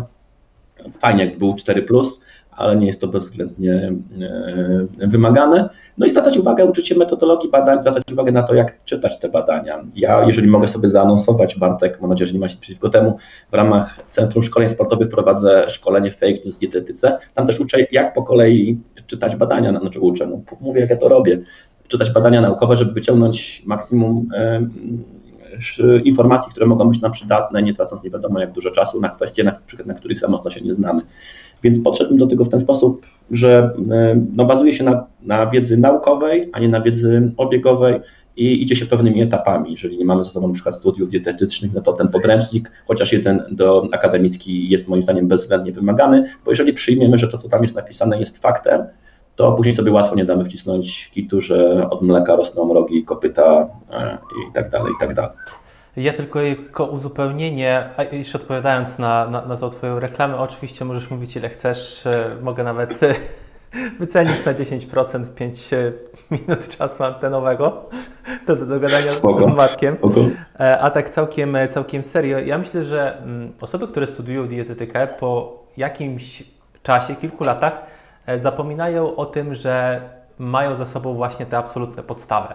I mnie często też osoby mhm. pytają i ja jakoś właśnie zapominam o tych podstawach, natomiast te podręczniki Gawęckiego, te, te trzytomowe Żywienie Człowieka, czy Fizjologa Żywienia, Konturka, czy właściwie no takie książki, które trzeba na studiach przeczytać, no one siłą rzeczy gdzieś, gdzieś się, się przyswaja, a później się o nich zapomina. Natomiast no to, to, to jest taki must to są podstawy, E, właśnie po to, żeby mieć trochę szerszy zakres wiedzy i różne punkty odniesienia. Bo ja też kiedyś, kiedyś e, no nie tak dawno na studiach, nie wiem, ucząc się patofizjologii czy, czy nawet mikrobiologii, która mi absolutnie nie leżała, e, na etapie studiowania zawsze wydawało mi się to mało rozsądne, w sensie po co mi ta wiedza, na co ona mi się przyda. Natomiast wraz z upływem lat, już tak jakby działając w zawodzie, to człowiek zaczyna łączyć coraz więcej kropek. Czytając każdą kolejną pracę, i to też dotyczy czytania prac naukowych z różnych dziedzin, e, można faktycznie spojrzeć na jeden problem z różnych perspektyw. Na przykład z perspektywy nie wiem, bardziej mikrobiologicznej mikrobioty, e, albo z perspektywy bardziej fizjologicznej, klinicznej. No i oczywiście tak mogę e, tak jakby mnożyć te przykłady. I myślę, że to jest ważne, natomiast w sensie ważne jest to, żeby kompleksowo podchodzić do tej swojej edukacji i nie skupiać się tylko i wyłącznie na badaniach naukowych, jeżeli wcześniej nie, nie odrobiliśmy po prostu tej podstawówki żywieniowej. Mm, natomiast to, co ja chciałbym polecić z pewną dozą ostrożności, to jest właśnie Google Scholar. E, czyli to jest wyszukiwarka badań naukowych od, od Google. E, I jej zaletą jest to, że ona nam indeksuje różne artykuły, e, ale także tweety, osób, które odniosły się do jakiejś konkretnej pracy naukowej, czyli to, czego nie robi nam baza Medline. I bardzo często zdarza się tak, że na Twitterze czy chociażby na różnych blogach e, opracowywane są naprawdę ciekawe opisy badań. E, inni autorzy, czy nawet sami autorzy badań rozkładają swoje prace na łopatki E, w takiej bardziej przyswajalnej formie i myślę, że warto, warto sobie czasami e, tam zajrzeć i zerknąć właśnie, czy ta praca nie została zacytowana w jakiejś publikacji blogowej, która czasami jest, e, w sensie nie ma niewiele wspólnego z samym blogiem, co bardziej z, z nauką. I tyle chciałem powiedzieć. No to dziękuję Ci Marku, bo też ja przyznam się, że dawno na, nie, nie używałem tej, tej wyszukiwarki. Zdarza mi się to epizodycznie, ale masz, masz rację, rzeczywiście to, co powiedziałeś, jest, tworzy dodatkową wartość z tego, z tego narzędzia i mi to również się przyda. A druga zaleta jest taka, że w, w, w Medline, w PubMedzie prace są trochę później indeksowane. Czyli częściej jest prawdopodobieństwo, znaczy większe jest prawdopodobieństwo, że e, w tej przeglądarce googlowskiej ta praca już będzie umieszczona, mhm. w sensie gdzie, gdzie, została zacytowana na przykład, a w, w PubMedzie mm, niekoniecznie. E, mamy pytanie jeszcze o. Właśnie, ostatnie dwa pytania, trzy. Mm, dwa wybiorę z tych, które są, a jeżeli ktoś ma jeszcze pytanie, to śmiało je może zadać w komentarzu. E, jest pytanie o Marka Krajewskiego. Czy poczytujesz? Nie, nie poczytuję. Niestety. Krajewski chyba tak sens z Wrocławia, tak? Który kryminały pisze. Jeżeli dobrze tak, pamiętam. tak. Jeżeli, jeżeli, dobrze pamiętam, nie chcę, nie wiem, od miasta Breslau, ale nie jestem pewien, możliwe, że teraz właśnie się pomyliłem. Nie, chyba od Moka. E... Tak, znaczy od miasta Breslau też. Tak, tak, tak, tak, tak, dokładnie tak, od Moka, tak, tak, tak. tak. No ale niestety nie. Kiedyś zajrzałem i, i przeczytałem jakąś książkę, a to już było dawno temu. Ja Natomiast... na pewno mam za sobą e, jedną, albo nawet dwie części, jeżeli dobrze pamiętam. Ale dobra. Ale jeśli chodzi o, dietetykę, jeśli chodzi o dietetykę, dużo nie wyciągnąłem. Tak. No myślę, że niewiele jest tam do wyciągnięcia od strony dietetycznej, chyba że zahaczylibyśmy o alkohol. E... Chyba że. Pytanie o insulinooporność z hipoglikemią. Trochę precyzyjne pytanie, mm, ale spróbuję je zadać. E, insulinooporność z hipoglikemią po obciążeniu glukozą nigdy nie wychodzi powyżej 120. Osoba trenująca wynik zaburzeń mikrobioty czy taki uróg persony. E, na szkoleniu z Damianem mówiliście o trzech typach insulinoporności e, i dalej obstawiać, że to postreceptorowa. No takie trochę. Znaczy myślę, że na bez zadawania kolejnych pytań z mojej strony byłoby trudno w ogóle odnieść się do tego pytania, więc no, szanowną, no, szanowną osobę, która zadaje mi to pytanie, mogę poprosić, żeby w tygodniu skontaktowała się ze mną bezpośrednio. Jakimś kanałem to, sprób, to spróbuję się na tyle, na ile będę potrafił do tego odnieść, ale na pewno na podstawie samego pytania i w wyniku jednej wartości e, nie jestem w stanie odpowiedzieć, z czego to może wynikać, ani jakie postępowanie w tej sytuacji zastosować. Ja tylko dopowiem, żeby nie zostawić tej mm, wypowiedzi zupełnie jakby takiej jałowej, typu zapraszam na prywatną konsultację, to e, powiem w ten sposób, ja często u osób, które mają hipoglikemię reaktywną, proponuję na tyle, na jest to możliwe, żeby robić w domu testy z glukometrem. I niekiedy udaje się w toku trwania współpracy wypracować pewien e, schemat postępowania, bo to, co jest dla mnie zaskakujące, niekiedy pojawia się hipoglikemia po produktach czy zestawieniach produktów, które, po których bym się nie spodziewał, a po innych, na przykład typu banan, się nie pojawia. E, I sformułowanie takiego, takiego protokołu postępowania, nawet jeżeli nie pozwala zrozumieć do końca wszystkich czynników e, etiopatologicznych tej, te, te, tego, tej nieprawidłowości, to pozwala przynajmniej normalnie, normalnie funkcjonować. Ja mam na przykład takie obserwacje, że u osób z hipoglikemią reaktywną wykluczenie, chociaż nie będę się przy tym upierał, ale to zdarzało się kilka razy, eksperymentowałem, wykluczenie węglowodanów z posiłku przedtreningowego powodowało, że hipoglikemia nie pojawiała się w trakcie treningu. To jest dosyć ciekawe, a w momencie, kiedy były węglowodany w posiłku przedtreningowym, trzeba było je spożywać i w trakcie treningu, i po zakończeniu wysiłku nie można było spożywać samego białka. Nie? Ja sobie robiłem takie, mam dosyć dużo notatek na ten temat, bo mnie ten temat kiedyś bardzo mocno interesował, więc mogę odpowiedzieć tylko w taki sposób, trochę strzelając, bo nie wiem, czy te odpowiedzi i porady będą w jakikolwiek sposób adekwatne do problemu e, tego pana czy pani, który tę pytanie zadał. E, zadała pytanie Justyna, natomiast no, problem z tego typu pytaniami jest e, taki, że nie znając tła dokładnego przypadku, trudno pokusić się o precyzyjną odpowiedź. E, natomiast jeszcze pytanie dosyć ogólne, aczkolwiek myślę, że w, mimo wszystko na czasie. Pytanie o dietę ketogeniczną. Myślę, że dobrze byłoby to umiejscowić w kontekście procesu odchudzania, bo tutaj często przypisuje się zalety te, temu modelowi żywieniowemu. E, jego wyższość nad standardowym, standardowym jadłospisem, e, który uwzględnia wszystkie produkty żywnościowe. I z drugiej strony w kontekście sportowym, jak mógłbyś się odnieść do tych dwóch, e, dwóch kwestii?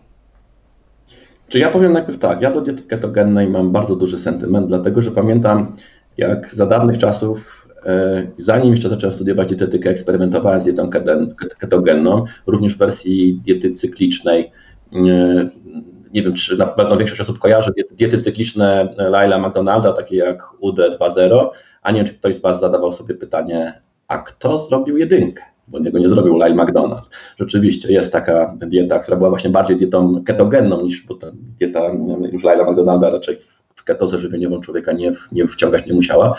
W każdym razie moje podejście jest takie, że ja mam pewien sentyment, dlatego że eksperymentów z dietą ketogenną mam do sobą dużo, co zresztą z pewnego czasu sprawiło, że musiałem zasadniczo zmienić sposób trenowania. Trenowałem wtedy zapasy i trenowałem siłowo i na macie bardzo mocno straciła moja e, wydolność fizyczna pomimo po pewnym czasie prowadzenia ładowań. Natomiast w przypadku treningu siłowego, jak odpowiednio zmniejszyłem jego objętość, to postępy były znakomite, ale to jest moja obserwacja z czasów jeszcze zanim byłem dietetykiem. Natomiast zaczynając od tematu, znaczy przechodząc do tematu odchudzania, nie ma przekonujących dowodów, że dieta ketogenna jest skuteczniejsza, jeżeli chodzi o redukcję tłuszczu zapasowego. Bardzo ciekawy materiał w tej kwestii e, restrykcji węglowodanowych generalnie, ale w tym również diety ketogennej, daje badanie Kevina Halla z 2016 roku, kiedy rzeczywiście okazało się, że uczestnicy po przejściu na dietę ketogenną tracili istotnie więcej kilogramów, natomiast nie tracili istotnie więcej tłuszczu zapasowego.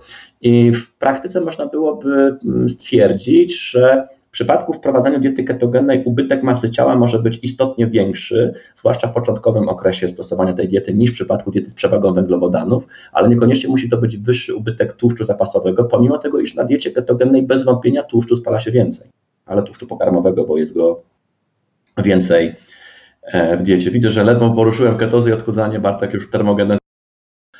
E, w każdym razie to może rzutować w praktyce, w realiach dnia codziennego może rzutować w praktyce na skuteczność tej diety, dlatego że dla wielu osób pierwsze kilka, kilkanaście dni realizacji założeń jakiegoś jadłospisu to jest taki papierek lakmusowy. Ta dieta działa, czy tak średnio działa.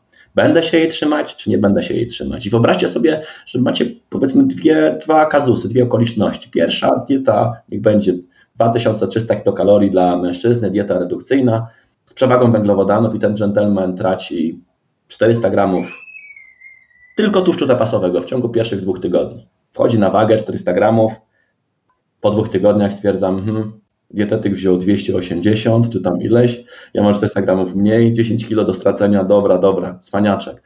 A niech będzie, że otrzymał dietę ketogenną, która raz, że tworzy wrażenie pewnej elitarności, jest taka obrazoburcza, można powiedzieć, taka trochę hipisowska, punkowa w tych swoich założeniach, bo jesz dużo tłuszczu, a spalasz tłuszcz, możesz niby jeść dużo cholesterolu, złych tłuszczów zwierzęcych i spalasz tłuszcz. E, I się okazuje, że ten gentleman wchodzi na wagę po dwóch tygodniach i ma 2 kilo mniej. W tym niech będzie, że 300 gramów tłuszczu zapasowego mniej, ale 2 kg mniej.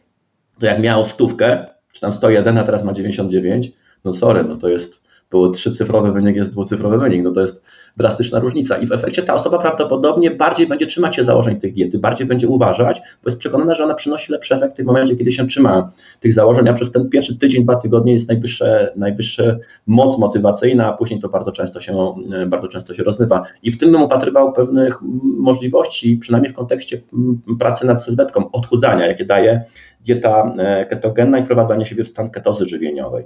Natomiast trudno mm, jakby na podstawie dostępnej literatury naukowej stwierdzić, że ta dieta jest generalnie skuteczniejsza. Zarzutem osób, które jakoś sympatyzują z dietą ketogenną jest to, że ilekolwiek badanie nie trwało, zawsze się wydaje ono za krótkie z punktu widzenia tak zwanej adaptacji do diety ketogennej. Faktycznie istnieją przesłanki, to się wywodzi z badań e, doktora Finiego, jak dobrze pamiętam, bo on chyba jako pierwszy w przypadku sportowców zaczął stosować te rozwiązania żywieniowe w postaci diety wysokotłuszczowej, które trwały powiedzmy tam 4-6 tygodni. Mm, natomiast ja już słyszałem, że nawet te 4 tygodnie to jest za mało, żeby adaptacja nastąpiła. Ja powiem, może jak ja do tego podchodzę. Moim zdaniem, bo, albo inaczej, ja słyszałem, że adaptacja trwa całe życie do diety ketogennej. Możliwe, że tak jest, ale prze, przełóżmy to na jakiś inny przykład. Może trochę kontrowersyjny, ale jednak. Niech będzie, że jest to nauka pływania. Intensywny kurs pływania dla osoby, która nie umie, nie, nie umie pływać, może spowodować, że po dwóch, trzech, czterech tygodniach będzie mogła ta osoba sobie pójść na basen nad jezioro Rusałka, czy na tam szczerzony gdzieś tam e, zbiornik wodny i sobie po prostu trochę popływa. W olimpiadzie jeszcze udziału pewnie nie weźmie, ale pływać będzie umiała, jest zaadaptowana do tego, żeby poruszać się w wodzie. Natomiast fakt, że są przesłanki wywodzące się z literatury fachowej, że, że adaptacja ketogenna, jest takie badanie FASTER, pokazuje, że adaptacja do diety ketogennej może trwać wiele, wiele miesięcy, nie oznacza, że mm, badania których stosuje się taką interwencję żywieniową na przykład przez 3 czy 4 tygodnie, nie są reprezentatywne dla realiów stosowania tej diety, bo wiele osób stosuje tego typu rozwiązania żywieniowe w zakresach krótkoterminowych i notuje większe lub mniejsze e, korzyści w odchudzaniu. Czyli reasumując, odchudzanie może być bardziej skuteczna wtedy, kiedy sprawi, że uwierzymy, że jest bardziej skuteczna. Przepraszam, taki trochę nieżywieniowy nie, nie wywód, E, ale tak może być i rzeczywiście ten, ten efekt może występować. Natomiast w dobrze kontrolowanych warunkach, co pokazały badania Kabina Hala, no, restrykcje węglowodanowe nie są korzystniejsze niż, niż dieta z przewagą węglowodanów. Natomiast w przypadku sportowym, no to zależy o jakich dyscyplinach mówimy. Ja osobiście podchodzę do diety ketogennej z dużą, dużą dozą sceptycyzmu. Na pewno w, ja, ja będę chociażby dietetykiem kadry, z tego czasu kadry wioślarskiej, no nigdy bym nikomu z wioślarzy i wioślarek nie zalecił diety ketogennej, bo myślę, że po dwóch tygodniach zostałbym zastrzelony przez kogoś, zawodniczego lub zawod, zawodników. Poza tym no, uważam, że byłoby to wyjątkowo nieoptymalne rozwiązanie, biorąc pod uwagę specyfikę tej dyscypliny sportowej, jak i podbudowy treningowej, jak i też realiów sportowych. Natomiast no, możliwe, że w niektórych dyscyplinach, jak ktoś bardzo mocno w to wierzy i mu ta dieta pasuje, że będzie jednostkowo jakimś rozwiązaniem, które może nieść ze sobą pewne benefity, ale w ujęciu uniwersalnym na pewno nie czyniłbym z niej rozwiązania lepszego, tylko że jest to jakaś tajna wiedza, co do której tylko jakaś elita e, ma pewien zasób informacji, umie z tego zrobić e, użytek. Tak więc w warunkach sportowych dieta ketogenna moim zdaniem jest rozwiązaniem kontrowersyjnym i ja miałbym obawy, żeby ją wprowadzać lekką ręką. Oczywiście można sformułować zarzut Tadeusz, bo nie umie. Jakbyś umiał, to byś wprowadzał. E, no, no, takie argumenty mogą się oczywiście pojawiać, ja je przyjmuję do wiadomości. Myślę, że są to argumenty poniżej, poniżej pasa, bo nie są specjalnie merytoryczne. E, ostatnie pytanie już dopełniające Twoją wypowiedź odnośnie keto. A jakie w takim razie mm, możesz poza samą redukcją korzyści może nieść dieta ketogeniczna?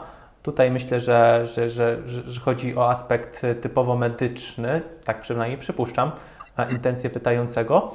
Natomiast, natomiast jeżeli chodzi o e, drugą stronę medalu, e, to pytanie brzmi, jakie zagrożenia, poza tym tak jakby kwestią sportową, e, może jest niedoborowa, może, może jest być smaczna? To już pytanie do Ciebie. Znaczy, no zależy, zależy kto co lubi. Natomiast jeżeli chodzi o korzyści, no to na pewno dobrze udokumentowane badania e, też ekspertów z kliniki Mayo swego czasu. Tam był tam, jak dobrze pamiętam, 1918, 1921, 24, 26 rok pojawiały się prace e, i ciekawe eksperymenty z zastosowaniem diety ketogennej w przypadku epilepsji lekoopornej ze szczególnymi korzyściami u dzieci. U osób dorosłych jest to temat kontrowersyjny, ale podobno też są pewne zastosowania. Tylko to nie jest jakby sfera moich działań zawodowych. Ja tym, tą problematyką w ogóle się nie zajmuję i nie chcę tu uchodzić jako eksperta. Mimo wszystko pamiętam, jak swego czasu na uczelni jeszcze broniłem e, diety ketogennej. Bardzo mnie irytowało no, osobiście, jak e, wykładowcy nazywali skutek diety ketogennej kwasicą ketonową, co jest taką archaiczną pomyłką, która nie, nie przystoi wykładowcom akademickim moim zdaniem.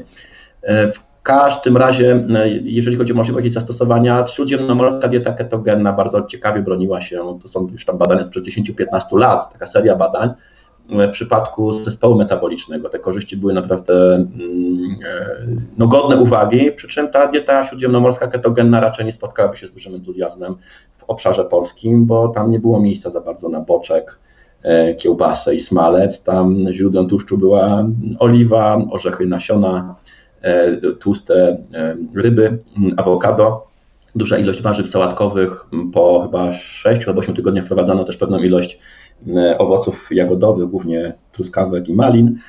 W związku z tym to nie jest specjalnie atrakcyjne rozwiązanie dla tej takiej stereotypowej diety ketogennej. Czy są inne możliwe zastosowania? Bada się dosyć, czy intensywnie, nie wiem, to jest dużo powiedziane, ale bada się e, możliwość zastosowania diety ketogennej w przypadku niektórych nowotworów, mam to na myśli glejaka mózgu. I te wstępne badania są nawet obiecujące, ale myślę, że dużo wody w rzece, w rzece upłynie, zanim będziemy mogli mówić o jakichś twardych dowodach w tej sprawie. Na pewno nie czyniłbym z diety ketogennej uniwersalnego remedium przeciwnowotworowego, bo nie ma e, odpowiednich dowodów, żeby coś takiego formułować. Jeżeli chodzi o zagrożenia, znowu zagrożeniem jest zasada wszystko albo nic. Mm, taki, mm, taka skłonność wywodząca się chyba z pewnych wczesnych etapów ontogenazy, okresu buntu, kiedy niektórzy, niekiedy dorosli, dorośli ludzie, dziwnie mi się na to patrzy, jakby e, odnajdują pewną pasję i satysfakcję w tym, żeby pokazywać i odnosić się z tym, jak bardzo na przekór zaleceniom świata nauki, zdrowym zasadom, zasadom zdrowego żywienia się odżywiają i jakie mają dobre efekty, jeżeli chodzi o na przykład redukcję tkanki tłuszczowej, czy poprawę pewnych parametrów zdrowotnych. W związku z tym, jeżeli dieta ketogenna będzie sprowadzać się tylko do przypalonego boczku, już tak mówię symbolicznie, dużych ilości e, smalcu, to będzie ona rzeczywiście niedoborowa i to ewidentnie niedoborowa i będzie pewnie nadmiarowa w substancje, które są co najmniej kontrowersyjne, a na dłuższą metę nie mogą być E, nie mogą być zdrowe. I to jest główne zagrożenie, jest, znaczy dieta ketogenna wymaga, ułożenie diety ketogennej wymaga wiedzy. To nie jest tylko, nie jest węglowodano, jest więcej tłuszczu. To jest dieta problematyczna i uważam, że nawet dietetycy mm, po wykształceniem kierunkowym, no zanim taką dietę ułożą, dla kogoś też powinny, powinni usiąść nad literaturą fachową, w której wcale aż tak dużo nie ma i zastanowić się nad tym, czy są na siłach, żeby taką dietę układać. Nie mówię, że to jest dieta bardzo problematyczna w realizacji, bo jeżeli ktoś jest mocno nią zajarany, to zniesie różnego rodzaju eliminacje. Niektóre osoby doświadczają też w przypadku diety ketogennej tak zwanej euforii ketonowej. Ja doświadczałem tego, co prawda w pierwszych kilku, kilkunastu dniach, ale rzeczywiście byłem w wyjątkowo dobrym nastroju, to później mijało, ale początkowo byłem w dobrym nastroju. Jedyny problem, jaki był, to rzeczywiście był problem zasypiania. To znaczy, y, zasnąć było mi trudniej, wybudzałem się wcześniej, można było mieć wrażenie, że potrzebuję mniej snu, ale ja na, po kilku, kilkunastu dniach zacząłem czuć, że tego snu mi brakuje. Jak wypiłem kawę, możliwe, że to tylko osobnicza reakcja, jak wypiłem kawę rano, to wydawało mi się, że trzyma mnie do nocy. Na owe czasy jeszcze miałem problem z pomiarem y, ciał ketonowych, bo wtedy byłam jakby trend, żeby badać je w moczu. To nie musi być specjalnie reprezentatywne.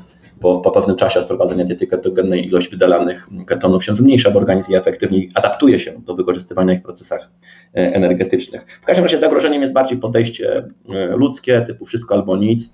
Ja Wam pokażę, jak bardzo, jak dużo przypalonego boczku jem, a jak dobrze mi się chudnie, jak albo dobrze się czuję, albo jak poprawiły mi się parametry, bo trzeba dodać, że niekiedy, jeżeli ktoś miał wyjściowo e, nadmiar tkanki tłuszczowej, który klasyfikował go już jako problem zdrowotny, czyli otyłość i pozbył się nadmiaru tkanki tłuszczowej, nawet jedząc niech będzie tylko serki homogenizowane, chleb tostowy z drzemem i parówki, jeżeli schód, to miał mm, możliwość poprawić parametry metaboliczne związane z gospodarką lipidową i być może również glukozową. I wiele osób jest w stanie e, uwierzyć w tej sytuacji, że remedium E, na to jest sposób odżywiania sam sobie, e, czyli dobór pokarmów jakościowy, a nie ujemny bilans energetyczny i ubytek tkanki tłuszczowej, który za to odpowiadał. No i to jest błąd poznawczy i nieprawidłowy wniosek, który może się w pewnym momencie przynieść opłakane skutki. I podobnie zresztą. Zresztą dotyczy nie tylko diety ketogennej. Tak. E, ale pod, właściwie mam tylko jeszcze dwie rzeczy do, do powiedzenia, które są trochę oczywiste, ale myślę, że warto o nich wspomnieć. W kontekście tego, co powiedziałeś, że dieta ketogeniczna to nie jest tylko jedzenie większych ilości tłuszczów, a może inaczej, wykluczanie węglowodanów e, i trzeba tutaj aktywnie na tym polu działać, żeby ta dieta była zbilansowana i, i po prostu adekwatna do, do, do pacjenta, z którym, z którym współpracujemy. I podobnie zresztą jest z dietą e, wegańską. To nie jest tylko niejedzenie mięsa, tylko tutaj trzeba naszego aktywnego działania, żeby ta dieta faktycznie była optymalna dla, e, dla zdrowia osoby, którą mamy pod swoimi skrzydłami dietetycznymi. A druga rzecz, którą chciałam powiedzieć, właśnie uleciała mi z głowy. Dlatego. Wiesz co, powiem Ci, że, że, za przyrównanie w jednej linii diety wegańskiej i diety ketogennej ortodoksi z jednej i z drugiej strony właśnie usuwają Cię ze znajomych. Mam nadzieję, że tak się nie dzieje i wręcz przeciwnie, e, będzie teraz wysyp e, lajków i serduszek za takie e, połączenie dwóch, dwóch skrajności. My na dzisiaj kończymy, bo już przeciągnąłem trochę dzisiejszego live'a. Myślę, że Tadeusz się nie obrazi, ale... Nie, mi było bardzo miło, bardzo dziękuję. Bardzo miło spędziłem i owocnie spędziłem czas. Dziękuję również za ciekawe, zmuszające do refleksji e, pytania. E, jest tych pytań trochę więcej. Mamy nadzieję, że się na nas nie obrazicie, jeżeli może nie tyle pozostawimy je bez odpowiedzi. Jeżeli Tadeusz czy ja znajdziemy wolną chwilę, to jeszcze do nich wrócimy, a może nadarzy się okazja, żeby e, zrobić ponownie live'a z Tadeuszem i pociągnąć ten wątek faktów i mitów, bo jak widać ich w dietetyce jest e, całkiem, całkiem sporo. Padło pytanie, które dotyczy nas obu. Mm, już Ci mówię, jakie to jest pytanie, e, dotyczące tego, czy mamy do polecenia jakąś książkę dotyczącą żywienia kobiet i gospodarki hormonalnej, która będzie strawna. E, ja od razu odpowiem, nie wiem, czy się ze mną zgadzasz. E, takiej książki nie ma na rynku polskim. Nie wiem zresztą, czy jest też e, na rynku mm, anglojęzycznym. Myślę, że coś by się może znalazło. Aczkolwiek wspólnie z Tadeuszem planujemy taką książkę napisać. Natomiast ten czas tak nieubłagalnie szybko leci, że nie wiem, kiedy to będzie. Tak,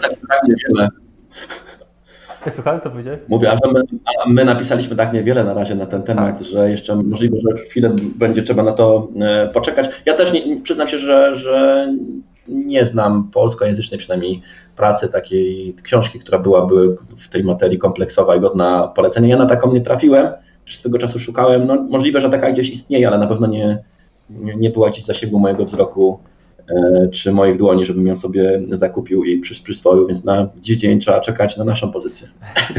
Mogę powiedzieć, że są takie książki w języku angielskim, mm, natomiast e, dwie to są bardziej pozycje naukowe. E, nie chcę teraz przytaczać ich, przytaczać ich tytułów, natomiast jeżeli odezwie się ta osoba, która o to pytała w wiadomości prywatnej do, do, do strony Akademii, to na pewno, na pewno te informacje podrzucę.